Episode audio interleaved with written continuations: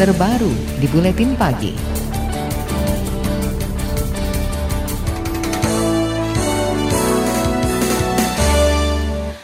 Pengembang benih padi unggul IF8 yang juga kepala desa Menasah Rayek, Kecamatan Nisam, Kabupaten Aceh Utara, Tengku Munirwan, ditahan Polda Aceh. Kuasa hukum Munirwan Zulfikar menjelaskan penahanan dilakukan setelah adanya pelaporan oleh Dinas Pertanian dan Perkebunan Aceh. Pelaporan ini berkaitan dengan adanya penyebaran benih padi hasil inovasinya yang belum bersertifikasi kepada komunitas petani. Kita mendengar ada informasi bahwa yang menyuruh melaporkan atau pelaporan ke kepolisian itu atas restu gubernur, maka seharusnya gubernur mengklarifikasi juga supaya publik juga tahu.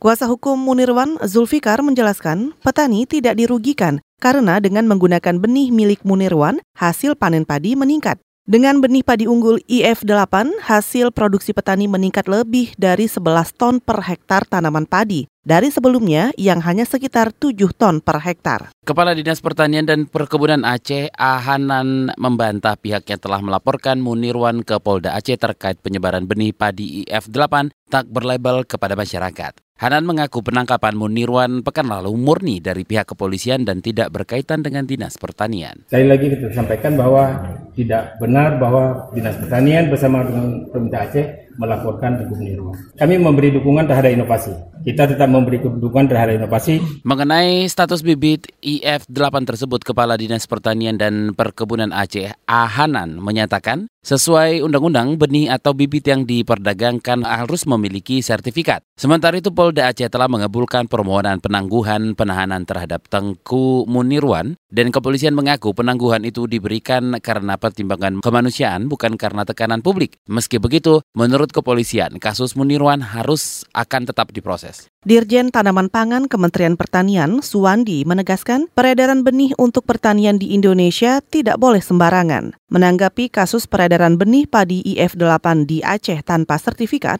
Suwandi mengatakan, sesuai peraturan, benih harus didaftarkan untuk sertifikasi agar memudahkan pengawasan. Benih itu barang produk penting penciri penentu produksi produktivitas. Makanya benih sebagai pondasi pembangunan pertanian. Karena itu maka sesuai undang-undang dan peraturan peredaran benih itu diawasi pemerintah. Kenapa? Kalau nggak diawasi akan berbahaya terhadap mungkin ada membawa hama penyakit, serangan, dan sebagainya. Kalau nggak terkontrol bisa meluas, menyerang ke semua. Kalau nggak bisa cara menangani, dengan kita bisa gagal panen dan seterusnya, kerugian besar. Dirjen Tanaman Pangan Kementerian Pertanian, Suwandi, mengatakan setiap peredaran benih diawasi oleh Balai Pengawasan dan Sertifikasi Benih dan Pengawas Mutu Benih. Suwandi juga menambahkan saat ini Kementerian Pertanian telah mengirim saksi ahli untuk kasus peredaran benih ini. Ketua Umum Asosiasi Bank Benih dan Teknologi Tani Indonesia, Dwi Andrea Santosa menilai penahanan yang sempat dilakukan terhadap Munirwan bukan tindakan bijak pemerintah. Dwi menyebut sebenarnya tidak ada aturan yang dilanggar karena benih diedarkan di dalam kelompok jaringan petani Aceh. Dwi juga mengklaim pengembangan benih IF8 yang dilakukan oleh Munirwan justru membantu petani kecil. Sebenarnya bagi saya pribadi pemerintah harus bijak karena bagi saya kasus ini agak ironis kalau tahun 2005 adalah perusahaan yang melaporkan petani.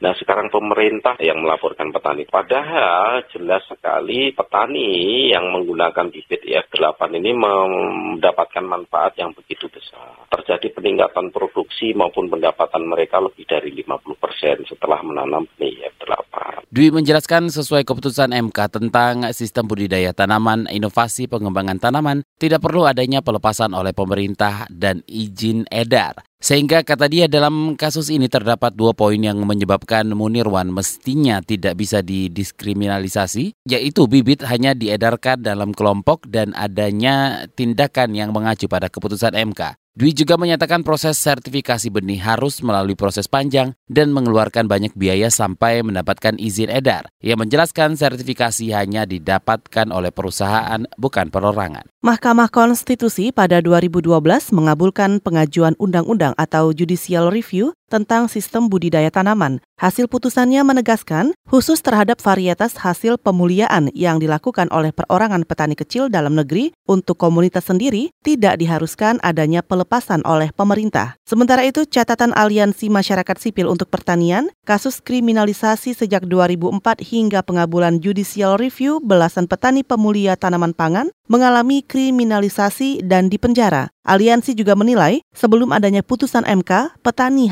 hanya bergantung pada benih pabrikan. Saudara KPPU putuskan tujuh perusahaan tak terbukti kartel garam. Informasinya hadir usai jeda tetaplah bersama kami di Buletin Pagi KBR.